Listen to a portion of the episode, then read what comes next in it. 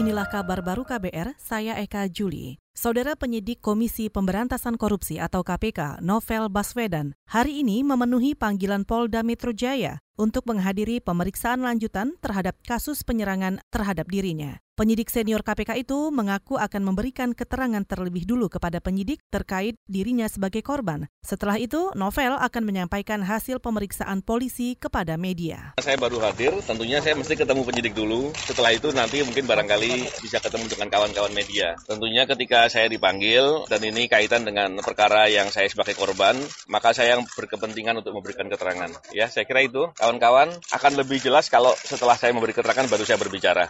Oke? Okay? Bang gimana? Ya tentu harus siap dong. Ini kan bukan baru pertama dan pemeriksaan pemeriksaan lanjutan. Adakah keterangan yang sudah disiapkan disampaikan ke penyidik Bang?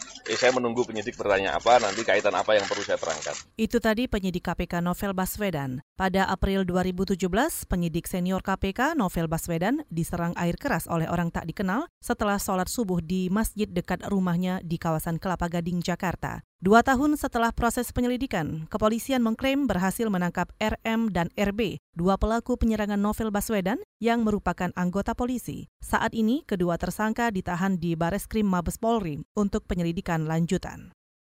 Saudara bekas Menteri Kelautan dan Perikanan Susi Pujiastuti berharap pemerintah terus menegakkan hukum terhadap pelaku pencuri ikan di perairan Indonesia. Dalam akun media sosialnya, Susi Pujiastuti menegaskan Penegakan hukum terhadap pencuri ikan berbeda dengan menjaga persahabatan atau iklim investasi. Sementara itu, Direktur Eksekutif Pusat Kajian Maritim untuk Kemanusiaan Abdul Halim mendorong Kementerian Kelautan dan Perikanan membangun sektor kelautan dan perikanan nasional secara terus-menerus sehingga eksistensi NKRI betul-betul terasa nyata di Natuna.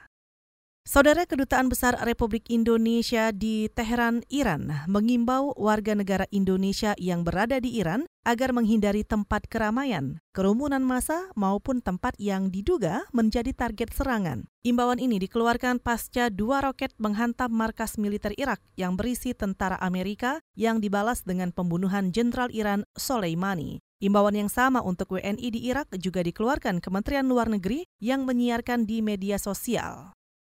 Kita ke Ngawi. KPU Kabupaten Ngawi menyatakan calon perseorangan yang akan maju pada Pilkada Ngawi 2020 wajib mengantongi 53 ribuan dukungan warga. Ketua KPU Ngawi, Prima Aikwina Sulistianti mengatakan, syarat dukungan itu harus tersebar di 10 kecamatan, sesuai persyaratan 7,5 persen dari jumlah DPT pada pemilu 2019 sebanyak 700 ribuan pemilih lebih. Daftar pemilih tetap kita itu 705 ribu 92. 7,5 persen dari itu jatuhnya 52882 gitu. Kita sampaikan ya posisi aman ya di 53 lah insya Allah gitu. Karena kan pasti ada nanti yang tercoret dan sebagainya karena misalnya ganda dan sebagainya. Mereka harus menggunakan hard copy dan soft copy. Soft copy itu harus diinput di dalam aplikasi Silon. Uh, proses verifikasi sendiri uh, dilaksanakan sampai dengan bulan Mei.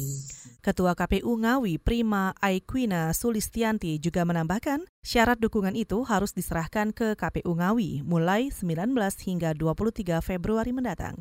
Meski pendaftaran pasangan calon bupati dan calon wakil bupati Ngawi baru akan dibuka Juli mendatang. Dukungan calon perseorangan ini juga harus masuk di Sistem Informasi Pencalonan Pilkada Ngawi 2020. Dan hingga Januari 2020, calon independen yang mengambil surat mandat calon perseorangan berasal dari pasangan bakal calon Didik Arifin Saifuddin. Saudara demikian kabar baru, saya Eka Juli.